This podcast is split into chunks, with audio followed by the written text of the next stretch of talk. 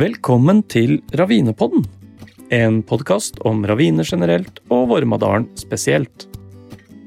Kulturminnebøndene Eva og Lise, bosatt i Vormadalen, har vært ute med mikrofon på jakt etter ravinelandskapets hemmeligheter. Intervjuene er sydd sammen av Frode Werner.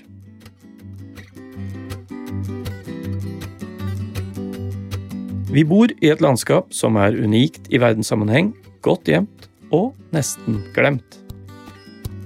Med podkasten ønsker vi å gjøre denne kulturhistoriske perlen bedre kjent. Det var en fryktelig artig tur. Den, den voldsomme frodigheta som, som kjennetegner eh, ravinene, det var, det var en stor opplevelse. Altså, altså gå den, den turen. Ravinene har kvaliteter som gjør dem verdt å ta vare på, slo fagfolka fast i forrige episode. Men hva sier kjentfolka i naturen? Naturbrukerne? De som formidler for å gi oss andre forstand og forståelse for naturens undere. I gamle dager var de bratte liene i ravinlandskapet viktige som fôr til dyra.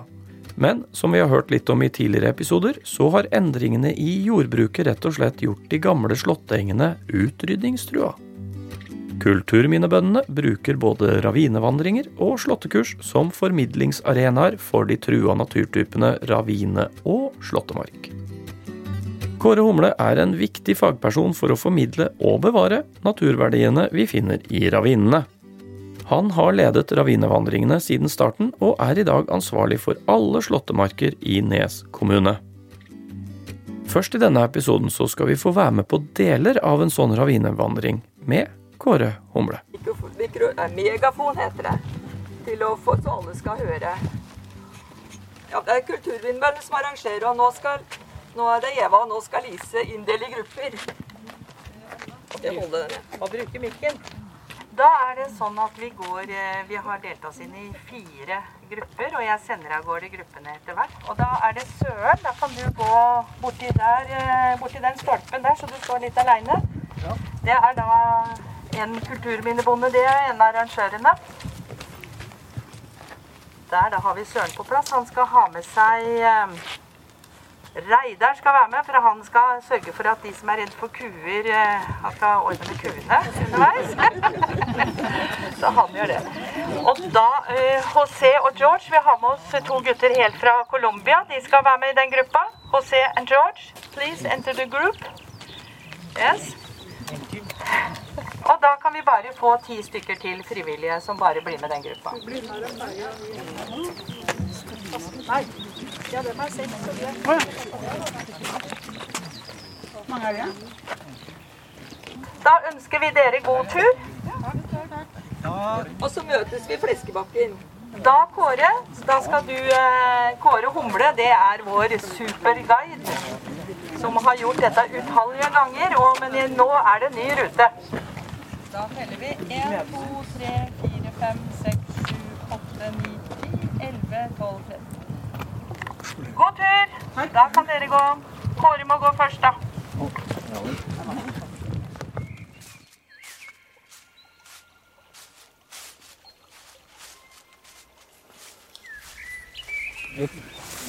Ja, vi kan legge merke til her Her er vi sånn nordvendt del av ravine. Også artene som kommer her. Veldig mye engsoleie.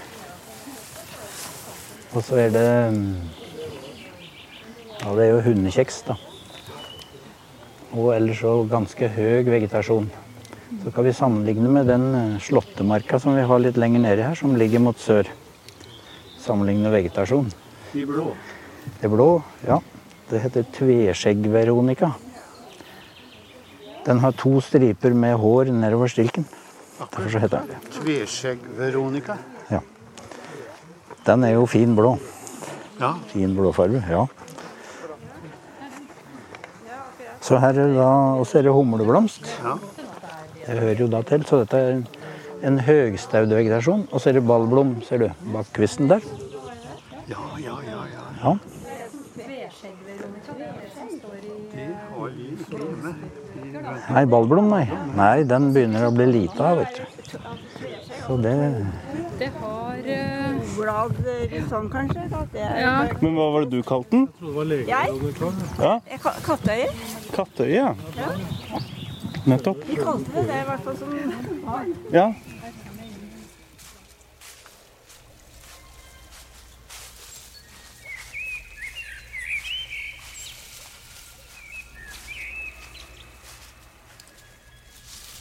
Noen som har eti og sparket. Rådyr, kanskje? Eller elg. Nå går vi ned i Vesetravina.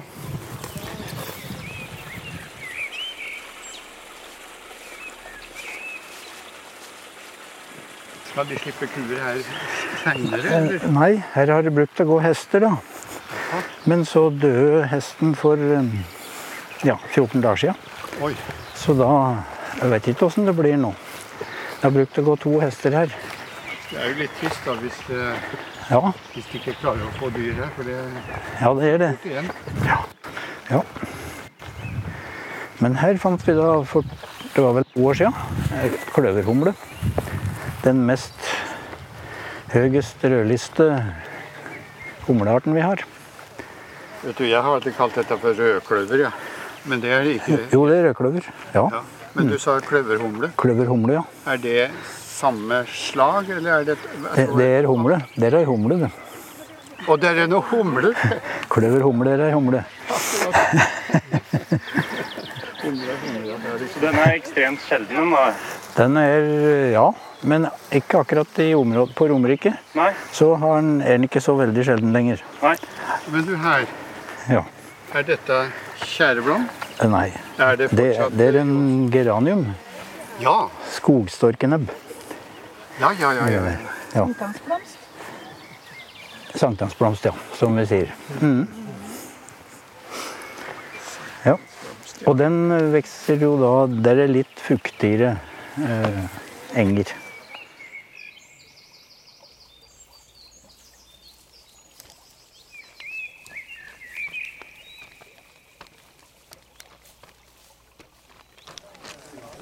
Har det gjort noe spesielt med det området her, eller? Her har vi slått i tre år. Slått? Ja. Og fjerne gresset. ja. For å få igjen blomstene? Ja, de var her før òg, men så har vi blitt kvitt noen vi gikk kvitt. Og, um, og fått litt mer av noen da. andre. Hva kaller du de julebæra? Vi kaller det tidligere Hannekam, ja. Tidil, Tiriltunge heter det. Tidiltunge. Tiriltunge. Det er tiriltunge. Akkurat.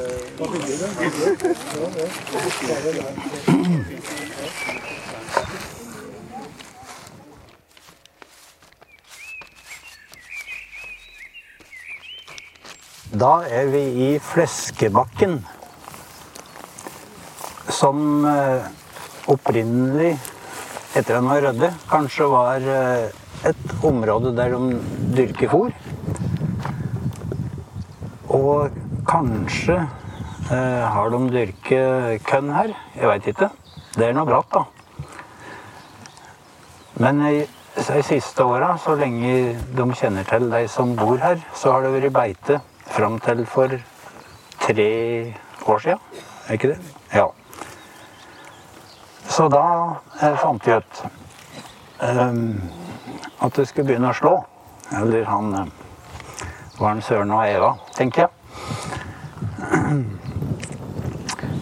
Eh, og så har da um, noen vært her fra Biofokus, som er det, kan jeg si, det er det beste firmaet firma til å registrere natur i Norge. Og eh, det var da et B-område, som det heter, i starten. Um, Det vil si av regional betydning, denne her slåttemarka her. Men allerede året etterpå, når vi hadde slått det ett år, så fikk vi nasjonal betydning på dem. Altså et A-område. Og eh, som du ser, i hvert fall hvis det hadde vært oppe i lufta litt nede her, så, så blomstrer det fint nå. Eh, For eh, ei ja, for 14 dager siden og ei uke siden, vel, Da hadde vi en dugnad her. eh, Tre-fire stykker i to dager. Og plukke vinterkarse. Og så satte vi at da det som var overfor den buskekrullen som vi har oppi der, for å se virkningen av den plukkinga vår neste år. Eller så oppdaga vi en ny annen plante her i fjor. Og det er gul gåseblom. Den hadde vi ikke sett de to første åra. Og den har vel kanskje ikke begynt å blomstre, men den står like borti der. Den får sånn oransje-gule blomster og på størrelse med en prestekrage. Ja, ellers så har vi jo da de vanlige artene. Rødkløver, skogkløver. Og veldig mye prestekrabbe, som du kan si her. Det er bare noen som er i blomst ennå. Og tidlig på året, da var det mange sånne. Maria nøkleblom. Den har spredd seg veldig de åra vi har drevet her nå. Så nå har vi mange turer utover hele enga. Og de to første åra, da slo vi jo da hundekjeks fordi det var mye. Og i år så fant vi ut at vi behøvde ikke. Så da bekjempet vi noen sånne spredte. Han Søren var i hvert fall veldig god til å rive dem av når vi eh, fjerner vinterkarsen.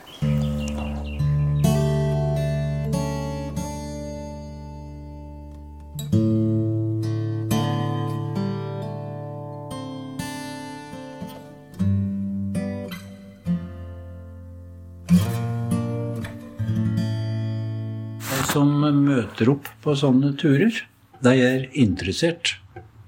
Og da er det morsomt å prate. Så det er jo en motivasjon for akkurat for turen. Og det er jo av nytten. Da får du spredt litt kunnskap rundt, da, kanskje.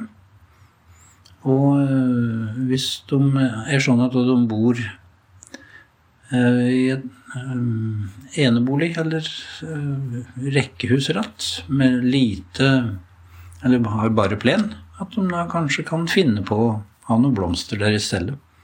Ikke bare havplanter, men kutte ut plen. De som har litt mer enn så de har litt ekstra å gå på. For det er godt å ha bare blomstereng utenfor huset, har jeg skjønt. Sånn som jeg har. altså, de som er med her, så syns jeg jo at uh, kunnskapen er de, de kan mye.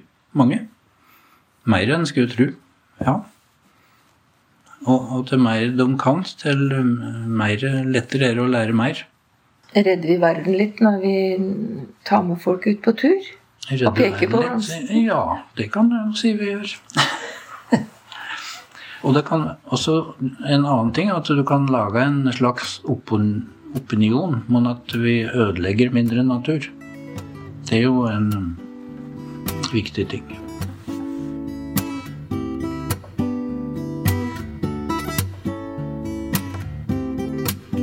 En annen som er veldig glad i raviner og natur, er Morten Borchgrevink Stensaker. Han er fotoskribent, frilansjournalist og foredragsholder. Her får du høre litt om hans forhold til raviner og natur. Og det er jo med, den, med den, den aktive bruken av disse ravinene. Og det er rett og slett eh, kulturskatter for meg, da. Og så liker jeg den villskapen, det helt ukontrollerte, altså rock'n'roll. Altså jeg liker fra uh, sødmefylte ballader jeg, til, til uh, virkelig rock'n'roll. Jeg liker begge deler.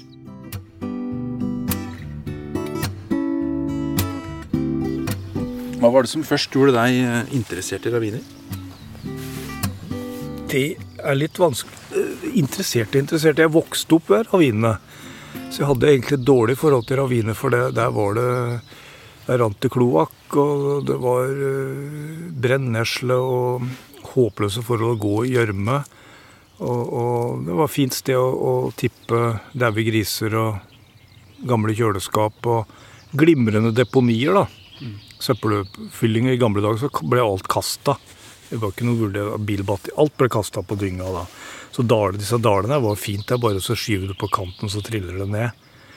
Eh, Jeg er jo sånn alltid vært svært interessert i natur, da.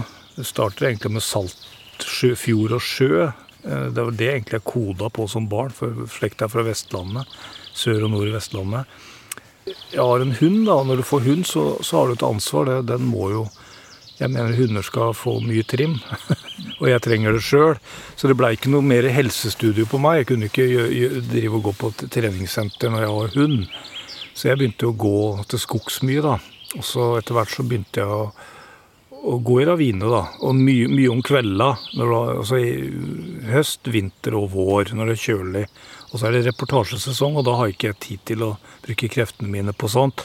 Men så begynte jeg å gå, og det, jeg jo- gikk jo ikke for å ha det koselig, jeg gikk for trim. Jeg gikk med en sekk på en ja, 10-15 kilo hver gang. og Altså rett og slett for mosjon, da. Også med tanke på reportasje, siden mange av de fjellturene er lange, og du må bære alt utstyret. Og, og så får du en del Du får ikke minst mye koordinasjon hvis du går her. Ja, for det er ulendt terreng. Ja, ja, ja, ja, ja, ja, ja. Og noen ganger må du krabbe, og, og det er glatt. Eh, sleipt. Så du må være litt sånn røff i sjela. Så det, det var mer sånn praktisk at jeg brukte det som for å slite meg litt ut, da. Og jeg har mye uro i meg også, at jeg trenger en del bevegelse, for da, da blir liksom livet lettere etter treninga. Og hunden min, han tåler nesten alt. Så han har vært med hver gang. Så var det noe sakte kanskje som interessa for det, og så var det en del skriverier i avisa om en ravine. Og så var det det med deponi og sånn forskjellig. Og så, så var det sikkert Jeg er jo genuint interessert i natur, da. Så, så, så det ble vel en sånn sum av det hele. Eh, Så var jeg litt stolt over å gå i, i denne ravina, for det krever jo ganske mye mange ganger. når er, Jeg gikk i all slags vær, da. Enten det er is og holke eller flom i bekkene og, og, og, og sånn. Så jeg kom like ofte opp igjen gjørmete. Men også er det noe farlig. Det, det kan ikke jeg begripe. Men det må jo ha vært noe som gjorde at du trivdes her også? Som gjorde at du Jeg likte utfordringene. Ja, ja. For jeg, jeg, jeg er litt sånn rock... Jeg er en sånn stillfaren type på en måte, så er jeg en sånn, en sånn rock'n'roll-type i meg òg, som er litt sånn snill og vill. Mm. Og så er det jo så, når du går i en ravine om kvelden, og sånn, så, så går du oppover, og så, og så plutselig så ser du en elg i silhuett på himmelen. Og det er klart at det er en sånn flott opplevelse. For det, det er på en måte Det er ikke noe du søker, det er bare noe som oppstår. Og så er neste tur kanskje, så, så spretter opp to rådyr bare meter ifra deg. Det ligger jo væra der, men de har ikke fått lukta på deg. Det er bare registrert deg. Altså, hadde de lukta deg, så hadde de blitt borte for lenge siden. Men så plutselig spretter de opp, og du hører smeller nærmest. Og du, du skvetter helt ned i ryggraden. Men, det med sansene Du får veldig mye sanser når du går i mørket. Jeg bruker ikke, ikke kraftig lykt heller. Det er bare sånn at jeg ser. Jeg vil ikke ha for mye lys. Men, men det er så bra når, når du, du hører det braker til bare meter fra deg, inni buskaset. Og da kjenner du det rykker til i hele kroppen. Men hjernen sier eh, pang at det er ikke fare. Den skvetter noe voldsomt, og så blir det ikke noe sånn adrenalin eller hva det heter, som utskillelse. Og sånn har jo mennesker vært. Vi har jo gått på he tå hev gjennom tusenvis av år for at vi har bodd i naturen. Vi har hele tida måttet passe oss. Og det er så bra å oppleve en sånn ekte opplevelse. For jeg er nevrotiker ellers, på en måte. Men det blir ikke noe energibruk i kroppen min pga. det jeg frykter voldsomt. Den sier med en gang Hvis du går i skogen, barskog, så slå, går det opp en røy eller en tiur eksempel, som har kraftige vinger. og En tiur kan jo veie en fire-fem kilo. Det er voldsomme muskler i den fuglen når den slår opp. Det samme er det da. Eller du går en ravine, og den rugde den, den slår, Du får nesten vinga i ansiktet. Den går opp i ansiktet. Så sier hjernen fare, og så bah, ikke fare. Den slår av den bryteren for ikke å bruke krefter på noe helt som ikke er fare. Og det er noe litt kanskje av det ur... Altså den, den, den, den naturmennesket som fortsatt bor i oss, da. At det, det det rasjonelle. Og så når du går i en ravine også, så tenker du taktisk hele tida på hvor er det mest hensiktsmessig. Ja, ja, der må jeg klatre over. Ja, men det er faktisk bedre å klatre over der enn å gå til høyre. Eh, Så, så du, du, du det, blir, det litt sånn som dyra. Mange ganger så går du opp en sti. Det blir etter hvert en sti, da, for du har en fast runde.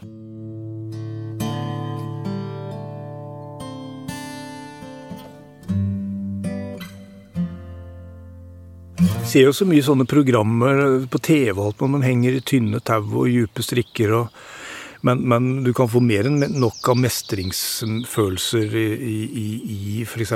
raviner, da, som det er glatt og sleipt og, og det er isete. Og, og, du lærer hva en grankvist er. En gammel grankvist. Den er, har som ibenholt, og du vil jo ikke ramle oppå den, for da blir du spidda.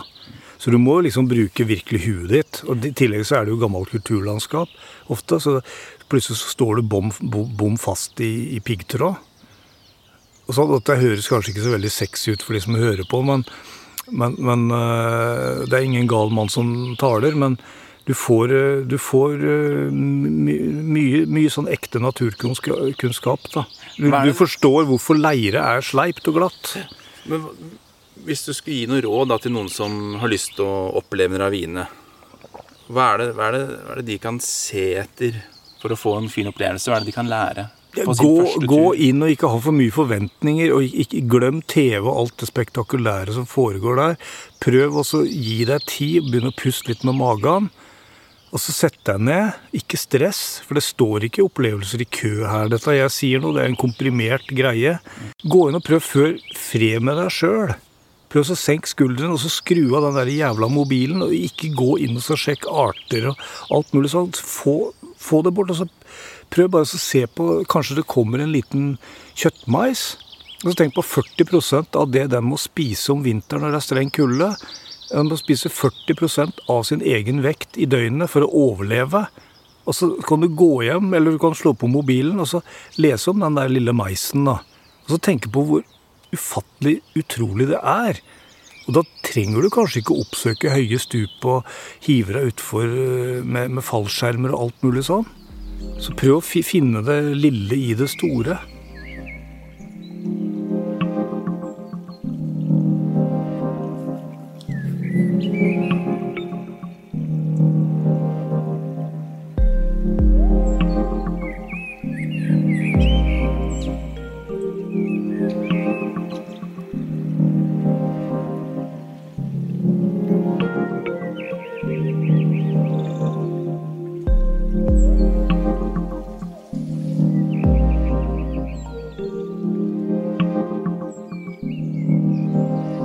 Hva er det fineste minnet du har fra, fra en av turene dine i ravinene? Det blir litt sånn Jeg har skrevet mye om ørretfiske, eh, for det er det leserne stort sett vil ha. Å sette eh, ulike ørreter eller ulike ørretvann opp mot hverandre, det er litt urettferdig, da. Men hvis jeg må velge ett øyeblikk, en hendelse, så signaliserer den på en måte noe utover meg sjøl. Og det var en gang Det var en stor ravine. Eh, veldig djup. Og jeg kom ut på kanten, og helt i bånn av ravina så så jeg elgku. Og så kom det en liten nyfødt elgkalv bak, en rustrød elgkalv. Og det var jo fantastisk å se noe sånt, for de var ikke var meg. Um, og det var på en måte et sånn tydelig signal da, om, om, betydningen av disse her Jeg kaller det fristader. Ja. Det handler ikke om narkotika da, altså, i, i fristaden i Danmark. Men det er, det er på en måte noen, noen sånne oaser da, i et i, gjennomregulert landskap ellers. At, at dyr og planter da, faktisk trenger det. Og det var noen som spurte meg hvilke, hvilke, hvilke nytte kan vi ha av en ravine. Men det er jo ikke vi som skal ha nytte av det. Det fins faktisk andre arter her enn oss. Og vi, har, vi, vi, tar oss jo til rette sånn som vi vil, men, men, det er faktisk folk som skal komme etter oss og overta dette her. Og, og, og det at det er livsrom at, at det tankesettet blir litt annerledes. Sånn at det hva som passer oss.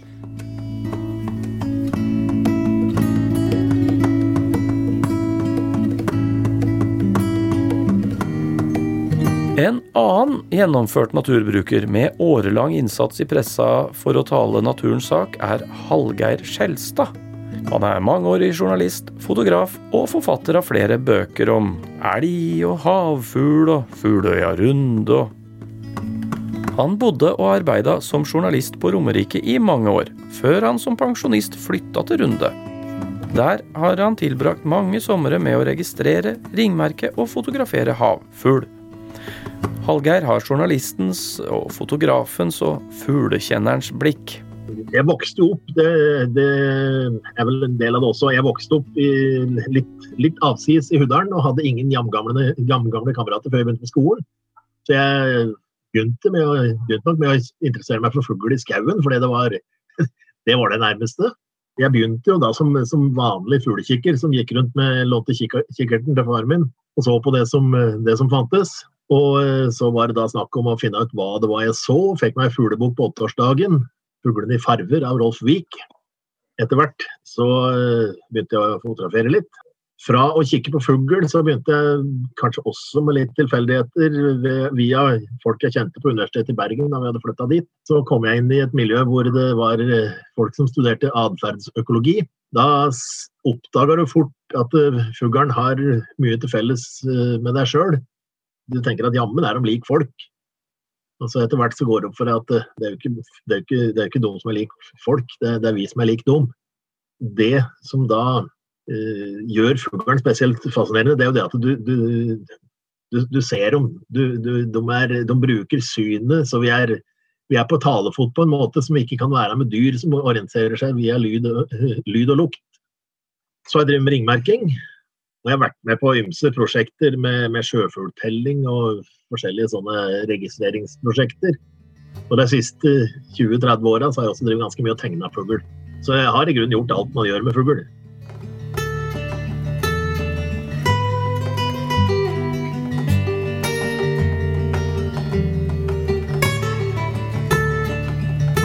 Ca. en tredel av norske fuglearter uh, står på rødlista i en eller annen kategori.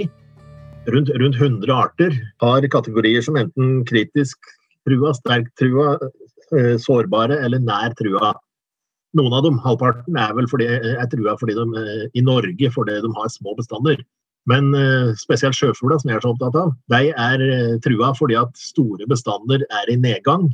Og det er direkte og indirekte konsekvenser av det vi driver med klimaendringene har nok fått en vesentlig del av skylda i, i seinere år. Etter at vi lenge mente at det var primært overfiske som var årsaken til at uh, så mange av sjøfuglbestandene sleit. Men uh, det blir mer og mer tydelig at det, det har med menneskeskapte klimaendringer å gjøre.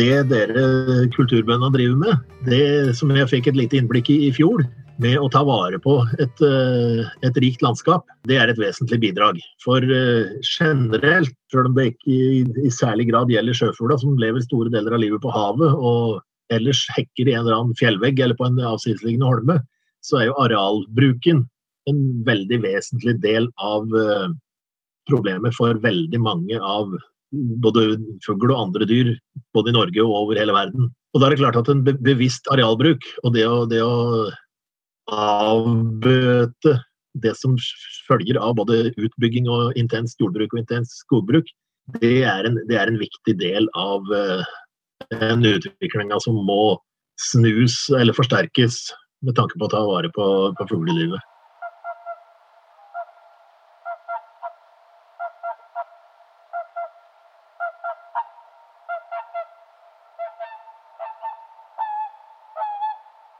Du, Hallgeir, jeg får lyst til å spørre deg om eh, nå på våren, vet du, så er det noen fantastiske syn av savaner. Det er liksom hundrevis på jordene enkelte stand. Hvordan er det disse svanene lever, og hvorfor er de så innmari glad i Romerike? Romerike har jo, har jo to slags, to slags trekkfugler når det gjelder svaner. Tre hvis vi tar med dvergsvana, som er en, som er en kuriositet. Men vi har jo knoppsvannene, som er trekkfugler, som kommer hit når det er åpent vann og hekker her på, på uh, sommeren. Og det er noe som har skjedd i løpet av de, de siste tiåra. Mens sangsvannene er også trekkfugler på Romerike, men de kommer på vinteren, høsten og vinteren. Kommer til, uh, gjerne til Øyeren, når, den, når den legger seg, så trekker de oppover i elvene i Vorma og Glomma. Så åpent vann i store elver er en uh, vesentlig del av, uh, del av forklaringa på at svanen er glad i Romerike. Men nå ser vi også, eh, vi hadde gleden sjøl av å være med på å konstatere det, at eh, nå hekker det sangsvanene på, på Romerike. Det hekker sangsvanene i Huddalen, og det var, eh, det var i hvert fall noe som var utenkelig når jeg for 50 år siden lånte Sangsvanedalen på biblioteket i Bergen. Det var, det var villmarkslitteratur fra Troms. Og at jeg da 40 år senere skulle stå og se på sangsvane med unger i Hudalen, det, det var vanskelig å forestille seg. Det trodde jeg heller ikke da jeg i 1976 sto med et uh, sangsvaneegg fra, fra uh, Lærdal i henda på Zoologisk museum i Bergen, på verkstedet der. For at ei sangsvane i det hele tatt skulle hekke i Sør-Norge, det, eh, det var noe ingen hadde sett komme.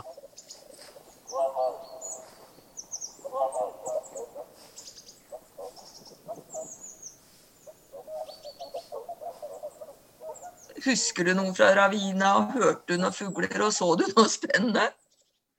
Jeg husker jo, jeg husker det godt den turen, og det var ikke bare fordi at han var, var lang og det var vart, og jeg måtte, måtte ty til eh, andres eh, væskeforsyning for å unngå dehydrering. Men det var en fryktelig artig tur. Det jeg husker best, er jo selvfølgelig det, det, den enorme frodigheta som, som kjennetegner ravinene. Og ravinene er jo, selv om jeg er romeriking, så er jeg altså hudøling. Og vi, vi befinner oss jo på, på tørt land, mens dere andre er på gammel havbåten. Raviner har i stor grad vært et, et ukjent, en ukjent naturtype for meg. Det var noe som eh, jeg så bli ødelagt med bakkeplanering i, i Nanestad og Ullensaker. Men, eh, men den, den, voldsomme frodigheta som, som kjennetegner eh, ravinene, det var, det var, en stor opplevelse. Altså, altså gå den, den turen.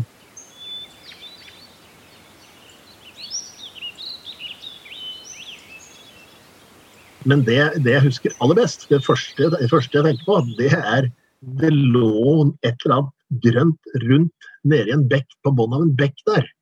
Og Jeg plukka opp dette der og så jo at det var et egg, men om det var et ekte fugleegg Vi blei etter hvert enige om at dette måtte være noe Fabergé-greier. et eller annet sånt som det, det, var, det var hardt som porselen, så jeg tok noe med hjem igjen. Og da viste det seg det at det var et egg, ja. For da hadde det sprøkket litt. Det begynte å sive ut det som siver ut av et sprekt, råttent egg.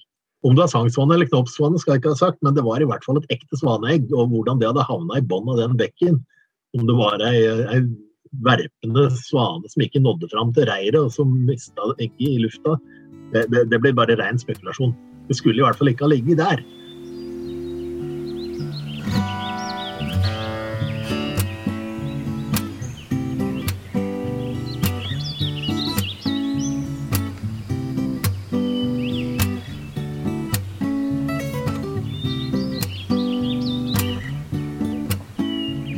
Stikkord ravine, den fuglen jeg først og fremst tenker på, det er rosenfink.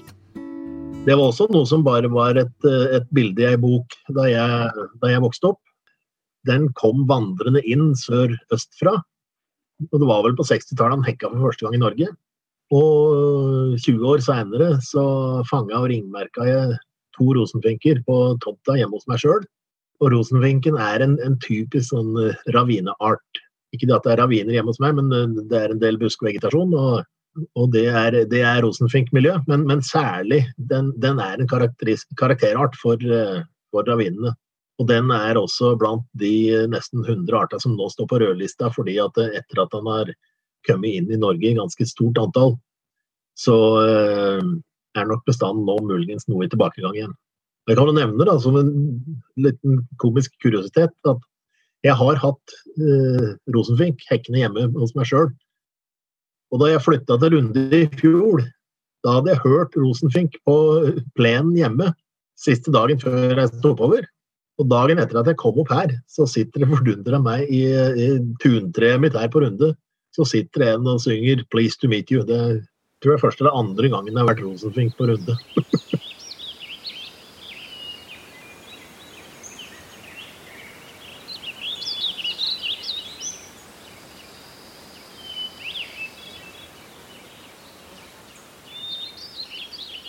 Hvor, hvor, mange andre ravinedaler på Romerike har har du vært i?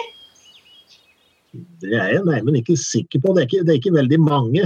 Og, og en av grunnene til at jeg har vært i en av dem, det var i forbindelse med flyplassutviklinga, i flyplassplanlegginga, da man drev og kriga om flyplassen skulle ligge på Gardermoen eller Hurum. Da hadde jeg gleden av å klatre rundt i en ravinedal hvor det akkurat hadde gått et kvikkleireskred borti Nannestad. Og det var en litt, litt, spesiell opplevelse. Men jeg må jo si at den turen i, den turen i uh, Ravinedalen bort hos Eva, den, den, gjør jeg gjerne om igjen. Syns det, det var en opplevelse. Og det er også en opplevelse pga. dere som, som, driver med dette her. fordi at uh, jeg syns det er veldig positivt at folk med, med landbrukstilknytning uh, er så opptatt av miljøet i videre forstand enn bare det at det ikke skal være legde i åkeren.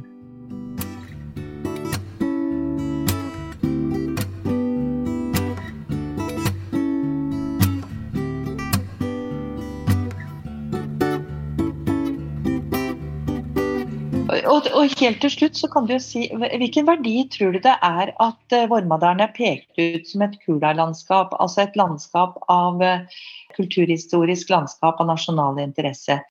Eh, hva jeg tror, det, det vet jeg ikke, men, men, jeg håper i hvert fall at den oppmerksomheten som sånne ting gir, at det skal uh, sikre at de verdiene som utvilsomt ligger i et sånt område, blir tatt vare på.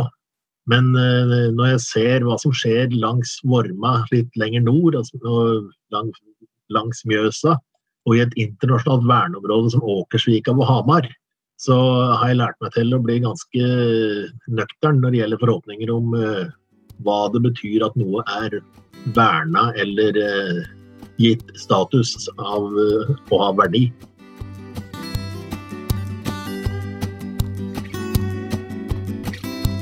I denne episoden har vi hørt fra mennesker som bruker av vinene og ikke minst formidler naturkunnskap.